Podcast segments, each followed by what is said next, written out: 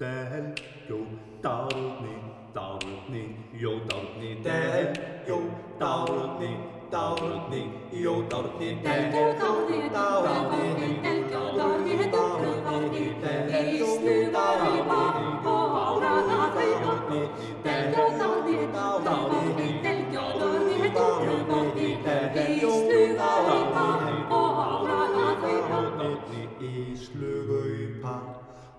Oflaðar þaupa í slugaupa Oflaðar þaupa Hölva strepi, sterli skrepi, hölva strepi, sterli skrepi. Sterli skrepi Og, og, og, og, Rjörma, og, rjörma, og, rjörma, rjörma.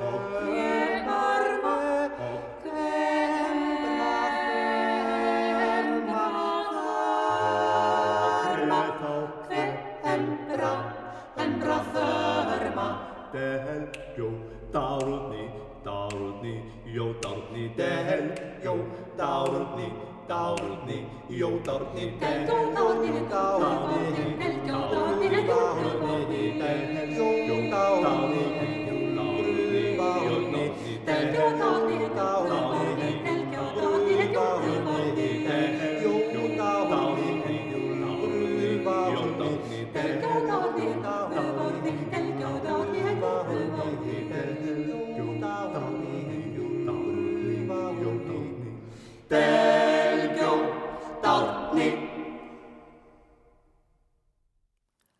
Komiði sæl. Tjarnarkvartettin flutti Delgjó Dárni, lag og texta eftir Ríkard Örd Pálsson. Mönnum hefur kannski gengið illa að skilja textan, enda sæðist Ríkardur hafa verið varaður við því að hann fengi engan með fullu viti til að syngja aðra einn stellu. Ríkardur Örd Pálsson andaðist á síðasliðnu ári 25. oktober 2021, 75 ára að aldri.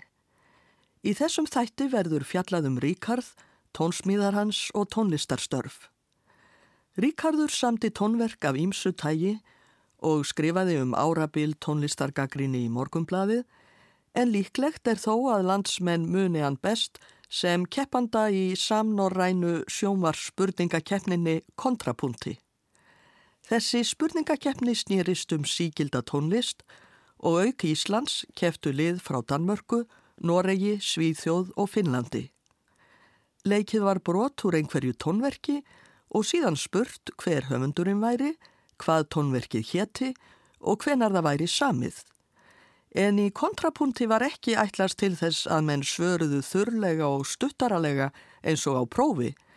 Keppendur áttu að fikra sig smám saman að svarinu eftir vísbendingum spyrilsins og spjalla um tónlistina svo að áhorfendur gætu notið góðs af ímsum skemmtilegum fróðlegsmólum sem þar fjallu.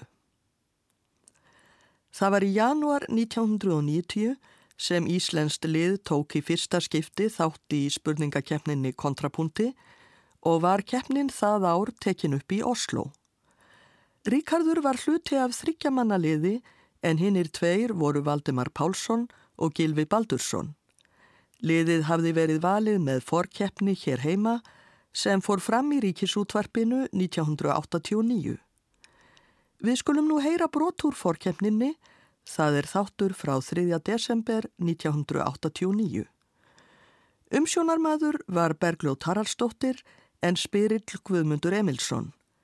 Hér ræðir Guðmundur við Ríkard um fimm tóndæmi sem leikin hafðu verið í röð. Við heyrðum brot úr fimm tónverkum og á meðal þessari verka er ein samstæða. Það er séð að tvö verkana eru eftir sama höfund. Við ætlum að reyna að komast að því hvaða tvö verka eiga hér samleið. Ríkardur, áður en við spyrjum þessari spurningar förum aðeins yfir þessi dæmi Já, og nefndu þá höfund eða hefur að fyrsta dæmi. hörmulegt hjá mér. Það fyrsta, hérna ég held ég fyrsta getur verið eftir Schubert en það er að fara á þeim tíma. Gæti það vel eftir Rossini úr messu. Það er rétt. Já, og þá blæsa nefna, nefna þá messu? Eða gælunefnina allavega? þú segir? Nei, það get ég ekki. Það er ábyggilega ekki þessi með, með hérna, stoforgilið svo mikið að vist. Ég er ekki því. Hann samt þetta mjög ungur af því að strákurinn í næsta húsi var búin að semja messu Já. Móður hans kvart hann til þess að já, gera já. slítið sama. Það er hann. Nei, ég kann ekki nefna. Tvö.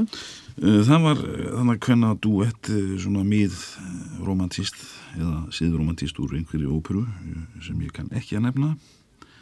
Hvers lensk var þessu? hvers lenst var þetta? Ég finnst það svolítið ítalst. En ég, ég hef nú átt að byrja, um að fá aðeins meiri dískandi átalar fyrir að ég heyrði ekki orðaskil frekar fyrir daginn. Sannlega að ég er ekki klárað því. Eh, Það þriðja var öruglega úr forleikunum mistarasöngunum eftir Wagner Það er rétt. og það fjórða var uh, já það var hérna maður með gítar, var- gæti það ekki verið rakarinn í Sevilla Við það er sennilega halveri horrið til það líka. Hann fíkur og þá var það hérna Eftir eftir, Rossini og þar með það samstæðan komin Það er horrið. fyrsta og fjórða Fyrst og fjóra tóndæmið þau, þau voru eftir Rossini. Ríkardur var markfróður um tónlist, enda stóð íslenska liðið sig vel í keppninni og sama liðið keppti henni fyrir Íslands hönd í nokkur ár. Áður en lengra er haldið skulum við heyra tónsmíð eftir Ríkard. Þórarinn Stefánsson leikur á piano, útsetningu hans á íslenska þjóðlæginu Krummi snjóin kafaði.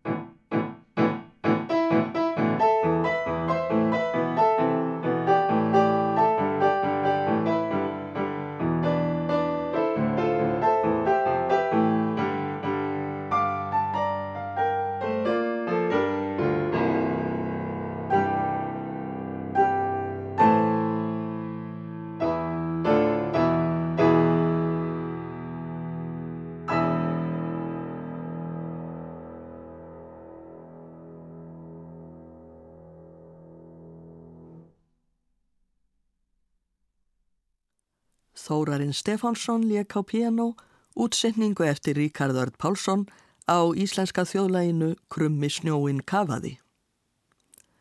Ríkardur fættist 15. júni 1946, sonur íslenskrar móður Önnu Sigriðar Jónsson og dansks föður Póls Larsen Kristoffersen. Hann ólst því upp í Danmörku fyrstu æfi ár sín en fluttist 14 ára gamall til Íslands með móður sinni árið 1960. Við skulum nú heyra brotur viðtali sem Lana Kolbrún Ettudóttir tók við Ríkard í þættinum Afsprengi 28. mæ 2006 en í þættinum voru leikinn verk eftir Ríkard.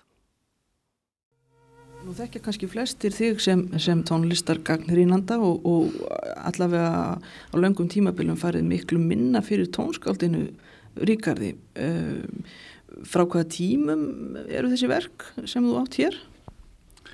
Já, þau eru eðlilega frá setni tímum þar sem ég komst afskaplega sent í gang.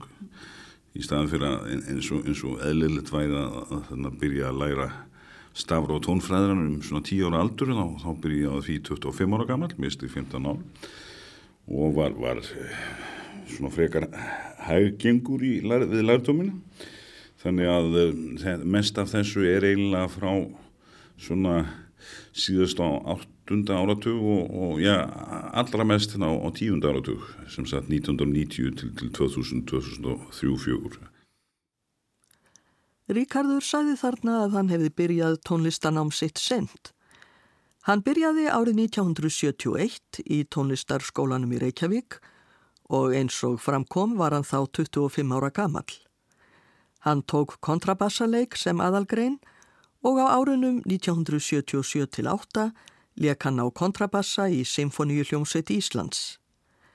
Ríkardur stundaði framhalsnám í tónlist í Indiana Háskóla í Bandaríkunum á árunum 1982 til 3. Svo tóku við Ímis tónlistarverkefni hér heima, bæði útsetningar og tónsmíðar, meðal annars fyrir sjónvarp og leikús. Brátt fór Ríkardur að skrifa tónlistargagrinni í blöð og í viðtalinu sem Lana Kolbrún tók við hann kemur fram að gaggrínandastörfin taki talsverðan tíma frá tónsmíðunum. Er sem sagt engin friður fyrir tónskáldið er nær krítikarinn alltaf yfirhöndinni, er hann frekari? Já, krítikarinn er svo vittlaus að eða eh, svo fárála miklum tíma í, í hverja krítik. Ég hugsa að það sé, sé stafi af inngrónum málóta frá því ég var að læra máli þetta sem, sem nýbú og útlendingur en fyrir mörgum ánum síðan. Og ég er að læra þetta ennþá, það, það er að segja. Ég get ekki skrifa krítik á, á minni en, en hvað þrem klukkutímum þann dag í dag eftir að hafa skrifað yfir þúsund stykki. Nú verður svo svolítið margir hissa þegar þú segist vera nýbúi. Hvaðan ertu Ríkardur? Já, ég orðst upp í, í, í Kaupmanna til uh, fermingra aldurs og uh, komið sem satt hinga 1960. Ég nú haldið því máli, það er enna úrelst, uh, þar að segja, mín danska er orðin úreld í dagin en ég get þó gert mig skiljanlega. Ríkardur sagði að það hefði tekið sig 15 til 20 ár að ná tökum á íslenskunni. Hann náði samt góðu valdi á málinu, hafði gaman af að leika sér af því og skrifaði sérstæðan stíl. Heyrum brotúr tónlistargagrinni eftir hann sem byrtist í morgumblæðinu 5. júli 2005. Því miður hafa pólifónísk eða fjölröttuð vonlaus þýðing sem á alveg eins við homofónískan réttátt kórverk endurreysnartímans yðurlega sætt tólkunaröfgum ímist bel, jandi, kantó, stíls eða engum í setni tíð pervisina læðupoka tiktúra og ugglaust fengið á sig óverðskuldað óorð hjá mörgum fyrir vikin. Einnig fegst Ríkardur við að yrkja. Við heyrum nú kórverk hans, Áralög, sem hefst á texta eftir hans sjálfan Galeiðan gælin, gullar við sjósjó, þýlur við þrælin, þeið þeið og róró.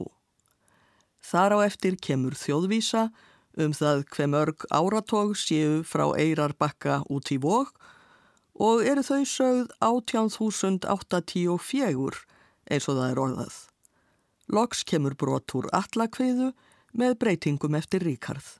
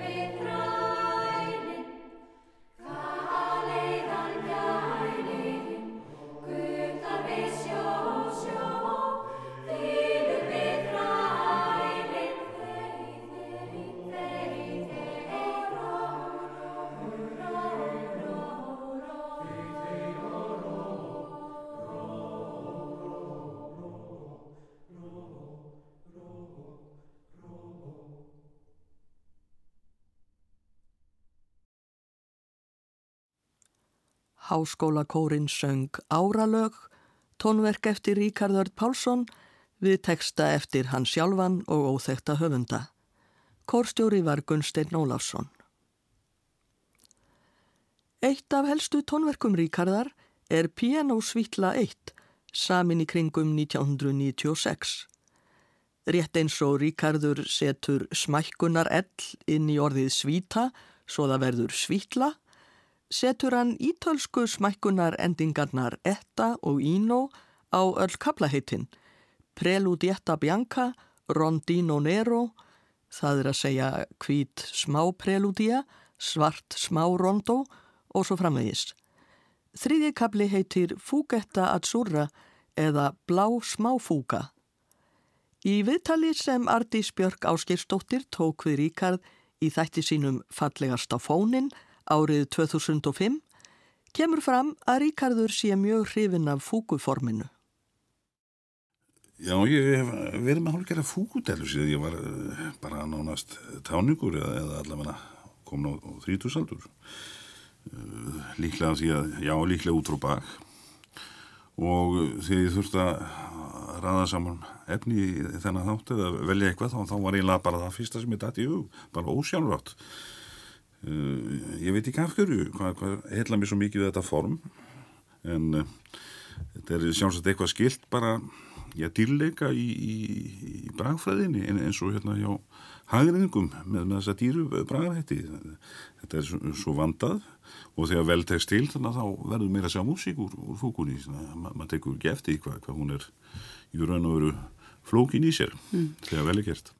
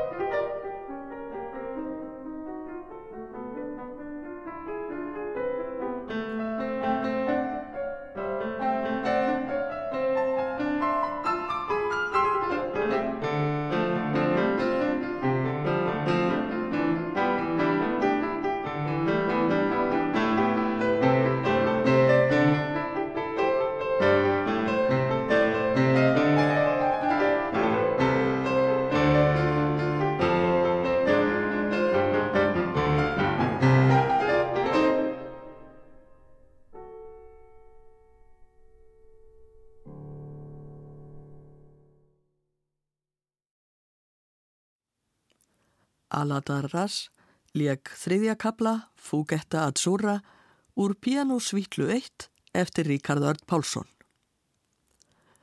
Á árunum 1999 til 2000 samti Ríkardur söngvaflokk sem hann kallaði Fyrsta lag eftir fréttir. Í viðtalinu sem Lana Kolbrún tók við hann árið 2006 sagðan að heitið vísaði til hins áratuga gamla dagskráliðar Rásar 1 sem kallaður hefur verið síðasta lag fyrir fréttir. Jó, jó, þetta, þetta er svarið við, við, við þennan síðastagi fyrirfréttir eða sjálfsögðu. Já, já. Nei, ég tók eftir í þegar ég hérna, leiti úr hérna, tölvdagbók mína, ég átti hérna í mislett sem að hreipa niður eftir fréttir. Það koma svo mörg yrkisefni í fréttum, í hátíðisfréttum sérstaklega. Og um, nú, þá dætt mig allt inn í hug hérna þessi eld, eldgamla institúsjón sem heitir síðastalega fyrir fréttir sem hérna náttúrulega nýtir óspart eld fornar upptökur og er svona eitthvað það þjóðlegastu sem til er í ljósvakanum. Að þarna mætti hérna setja saman flokk sem, sem mætti kalla þetta fyrsta lag eftir fréttir af því að allir söngtekstarnir eru orðir út frá, frá fréttum í átíðunum.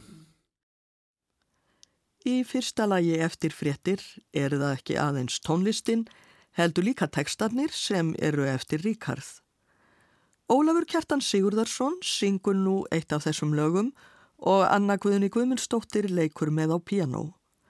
Lagið heitir Afrið og tekstin er samin út frá fréttum 16. desember 1998 um tilraunir kóreiskra vísindamanna til að klóna mannsfrömu.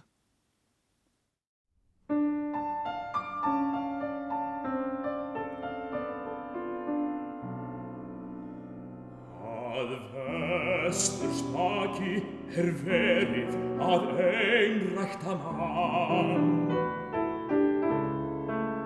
og veröldin stendur á land eftir að klófesta hann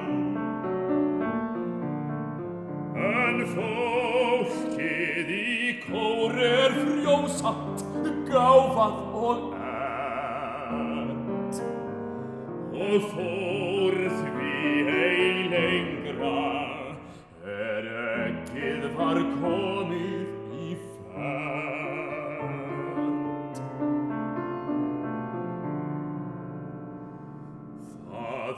Undrast samt enginn að þeir sé að reyna slíkt. Því Asíu liðið er félagt og hvert öðru líkt. Og hví skildei korverjum þóknast að auka sitt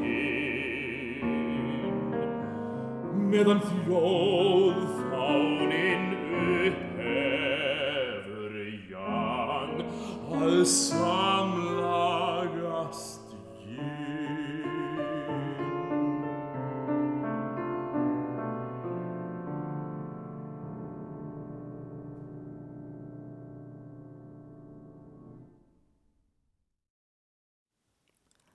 Ólafur Kjartan Sigurðarsson söng Afrið, lag og ljóð eftir Ríkard Örd Pálsson úr söngvafloknum fyrsta lag eftir fréttir. Pianoleikari var Anna Guðni Guðmundsdóttir. Sónötu fyrir fagott á piano samti Ríkardur á árunum 1995-6 fyrir Rúnar Vilbergsson fagottleikara. Sónatan kom út á tvöfaldri geislaplötu árið 2006 á samt mörgum fleiri verkum Ríkardar og í bæklingi með hljómtiskinum kalla Ríkardur Rúnar Vilbergsson núverandi leiðara djúb tvíblöðunga í Symfoníu hljómsveit Íslands. Orðið djúb tvíblöðungur hefur Ríkardur vafalaust búið til sjálfur en hann vísar þar til þess að í fagottinu er tvöfalt blað og það hefur djúpa rödd.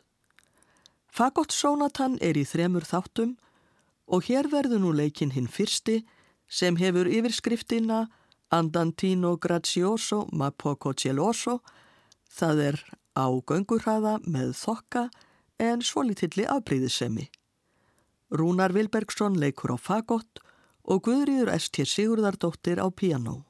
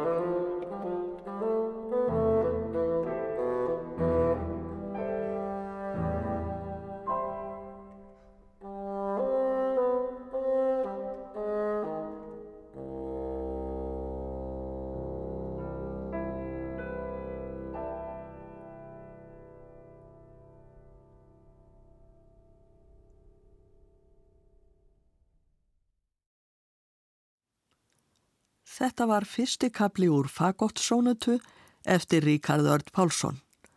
Fagottleikari var Rúnar Vilbergsson og pianoleikari Guðriður S.T. Sigurðardóttir.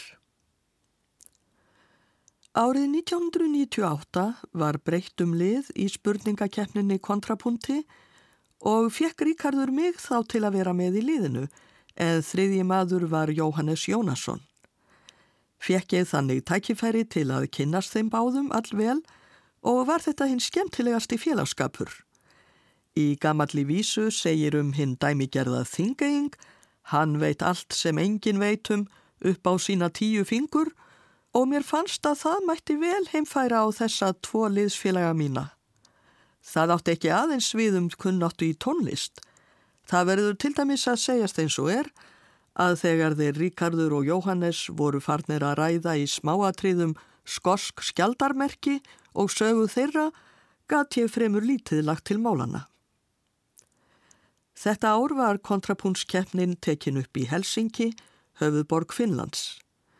Þótt mestallur tíminn færi í upptökur, fengum við keppendurnir að fara í eina skemmtiferð út fyrir borgina, að skoða ænóla þar sem tónskáldið Jean Sibelius hafði áður búið á samt fjölskyldu sinni. Ríkardur og Jóhannes rættu það í rútunni á leiðinni að nú er þið spennandi að sjá opnin fræga. Þar áttu þeir við opn þar sem Sibelius brendi mörgum verkum sínum, þar á meðal symfoníu sinni nr. 8 árið 1945 en hann var ofur gaggríninn á tónsmíðar sínar á efri árum. Árið 2012, 14 árum eftir ferð okkar til Ænola, tók ég viðtal við Ríkard þar sem við rifjuðum heimsóknina upp. En opnin eh, sem þið, Jóhannes sögðu, að væri einn íllramdasti opn í tónlistarsögunni, það, það var ekki græni opnin inn í stofunni heldur kvítur opn í Svenneberginu. Jú, jú, jú, það, þar komið að hafa fundist hérna, leifar af, af brendum pappir þegar hérna, Danabúð var gert upp. En, en uh, svo hérna náttúrulega finsku vinnirnur okkar voru líka reyndar að tala um að, að hérna, Sýbelisæki fundið sig í, í framústefnu millistíðsárana svona daldi líkt eins og Brahms og, og hérna á allar síðust árum hans. En það mátt ekki taka myndir þarna á ænola, það var bannað Já, þetta þarf nú kannski ekki að vera hérna til þess að hlýfa hérna þessum hérna, um ekki ofni hérna sérstaklega, það geti alveg sviðið bara eins og í mörgum söfnum að þeir vilja sko hérna geta uh, gefið út svona postkort og, og, og, og grætt á þeim á, þess að, hérna, menn séu mikið að, að taka myndir hérna, þetta, þetta séum að við á söfnum, sko. það geti verið að þeim ástæðum. En þú maður samt til að taka mynd af ofninum? Já, já, hérna hann, Jóhannes skildi hérna mér á meðan ég hérna, snappaði einni, einni mynd af þessum frægaofni. Við getum ekki hlustað á áttundu symfoníu Sibeliusar því hún brann til ösku í ofninum. Þessi stað skulum við nú hlýða á lag eftir Ríkard Örd Pálsson, Augu landsins við ljóð eftir Jón Óskar. Lagið er samið fyrir söngkvartett á árunum 1995 til 1997.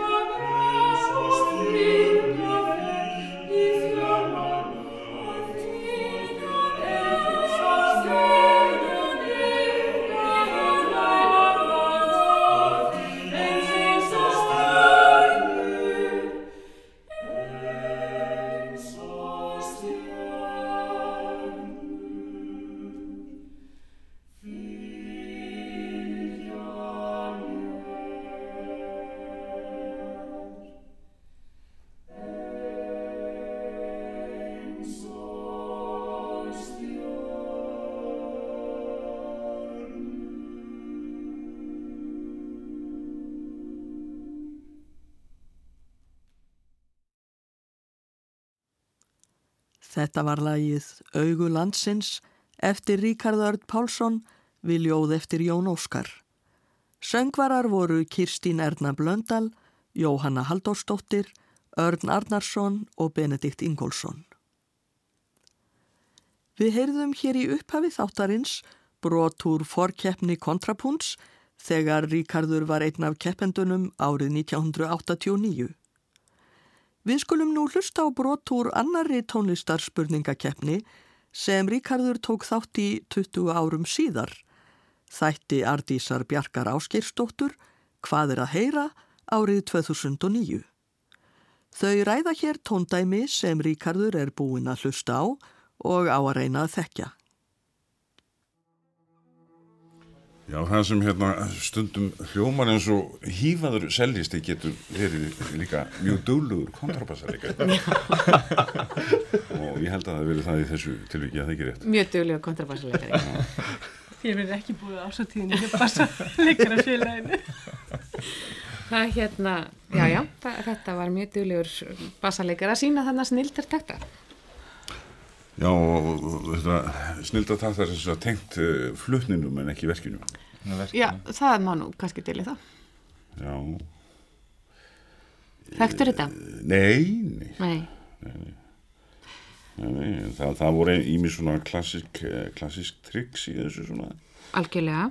Þetta er svona úr, úr náttúrulega klassiska svona barokk kannski jafnvel litaratútnum fyrir seló sem gengur hérna aftur og, og kontrabassa. Já, En menn skrifu ekki svona fyrir kontrabassa held ég fyrir í fyrsta lagi svona og, og snemma á 19. öld, Dragonetti og, og Bottesini og þessir kappar. þetta er svolítið villandi spurning. Er þetta umskrift? Nei, þetta er ekki umskrift. En þetta ber heitið, um, þetta er mun yngra, mun yngra. Aha, Og þarna er mikill snillingur að um, leika sér einmitt að stílis svona gömlum Það er improvisering, kannski. já hvers lenskur er þessi snillingur? ja, hvað heldur þú? Ég, það er um, erfitt að segja svo sem, Þetta verk ber heitið An Old Fashioned Bass Piece hann hvað? gamaldags bassaverk og á ensku An Old Fashioned Bass Piece eða Bass Piece Já, þetta er ekki eina okkar maður í Hollywood, eða? einmitt, Getur það verið, já. það getur nefnilega svo verið já. Sem við spila sjálfur. Nei, hann er að vísa ekki. ekki? að spila þarna Nei. en eflaust uh, rúlar hann þessu upp Þú ert að tala um Eh, Átna Ílsson. Harriet Ríkardur Öll Pálsson og Ardís Björk Áskeirsdóttir rættu hér saman í þætti Ardísar Hvað er að heyra 11. janúar 2009 og einni heyrðist í öðrum þáttakendum Steinunni Byrnu Ragnarsdóttur, Gauta Garðari Gunnlaugsinni og Valdimar Pálsinni. Fjórum árum setna, 2013, kom Ríkardur í viðtal í þátt sem ekki fjallaði um tónlist. Það var þátturinn Farteskið sem Ragnheiður Gíða Jónsdóttir sá um og þar kom í ljós að Ríkardur hafði kynnt sér sérstaklega tilraunir höfðingja fyrri alda til þess að selja Ísland. Komu þar ímsir við sögu og Ríkardur taldi þá upp öld eftir öld. En næstur kemur svo Fridrik Fjörði sem er upp í 1699 til 1730 og þar er náttúrulega frækt dæmi úr, úr Íslands klukku Halldórskiljans Lagsnes þegar Eða, Magnússon já. já, já, sem er samsteipa Átna Magnúsinni og, og skúlafókita uh, er í viðræðum við uh, fulltrúa hafnar uh, hambúrgaraköpmanna Úfelen og Úfelen segir að þarna að Ísland myndi fá miklu betri meðferð í umsýslu köpmanna í Hamburg heldur nokkuð tíma fór Danakonungi en uh, og þá, þá er nefnd einhver uppæði það sem ég fannst aldrei sláandi. 500 gulls. Hvaðan Kiljan hefur þetta ef það er rétt mun og hjá mér að þessi upphæð. Það hafi verið nefnt þarna í, í sögunni. Eh, hvort hún sé rétt það, það veit ég ekki en, en hitt er annað eh, víst staðrind að uh, Borgundahólm var áður komið undir, undir Svíþjóð en uh, Friðrik þriðji listi eiguna tilbaka fyrir nákvæmlega sömu upphæð 500 gulls svona 30-40 ára máður og það var fyrir klettasker upp á 588 ferkilometra þannig að, að ekki hefur nú hægtanir verið mikils virðin á Íslandi hlutvarslega. Þetta er muna hvað 180 eitthvað sinnum. Já, Ríkardur Örd Pálsson hafði ímislegt að segja bæði í orðum og tónum. Við ljúkum þessum þætti með lægi hans við Lýrukassan við hvæði eftir Þórarinn Eldjárn. Lægið er samið 1988 og þeir sem þekkja vetrarferðina eftir Schubert heyra sjálfsagt hvernig tónlist Ríkardar vísar á finlegan hátt í lag Schuberts Der Leiermann sem einnig fjallar um lírukassa.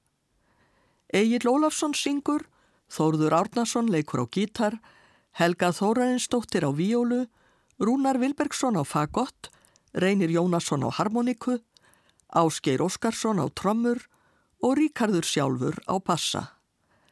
En áður en lagið hljómar og um leið og ég kveð hlustendur, skulum við heyra Ríkard Örd Pálsson ræða um frumleika í tónlist í þætti Lönu Kolbrúnar Ettudóttur, Afsprengi, 28. mæ 2006. En eins og ég sagði þannig í lokin, sko, það, mér er meira umhugaðum að, að vera skemmtilegur heldur en frumlegur og vitna þarna í Vaughan Williams, sko. Það ég er, ég er ekkit, hérna, ég held ekki að það þýða að reyni, reyna að vera frumlegur fyrirfram, sko. Annarkort kemur það að það kemur ekki. Það er ekki hægt að læra slíkt eins og Bartók vildi mér að segja meina að það veri ekki enni svona hægt að læra að kompona það væri mestalega hægt að læra svona eh, tilteknar afmarkaðar hérna, vinslöðuferði sko.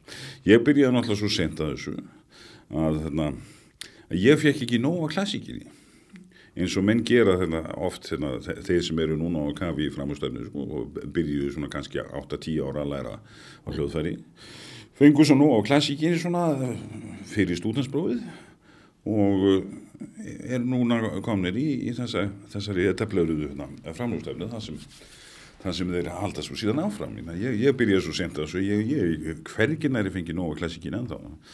Þannig að það eru hérna klassísk áhrif út um allt í þessu og svo eru þessi jazz áhrif líka. Og, og ég, ég veit ekki það er þá bara spurningin hvort að hérna, mín persónulega blanda hérna sé sé nógu uh, hérna, gild til þess að teljast frömlögi það, það kemur þá bara í ljós. Ég vona bara að menn skemmti sér við þetta fyrst og fremst.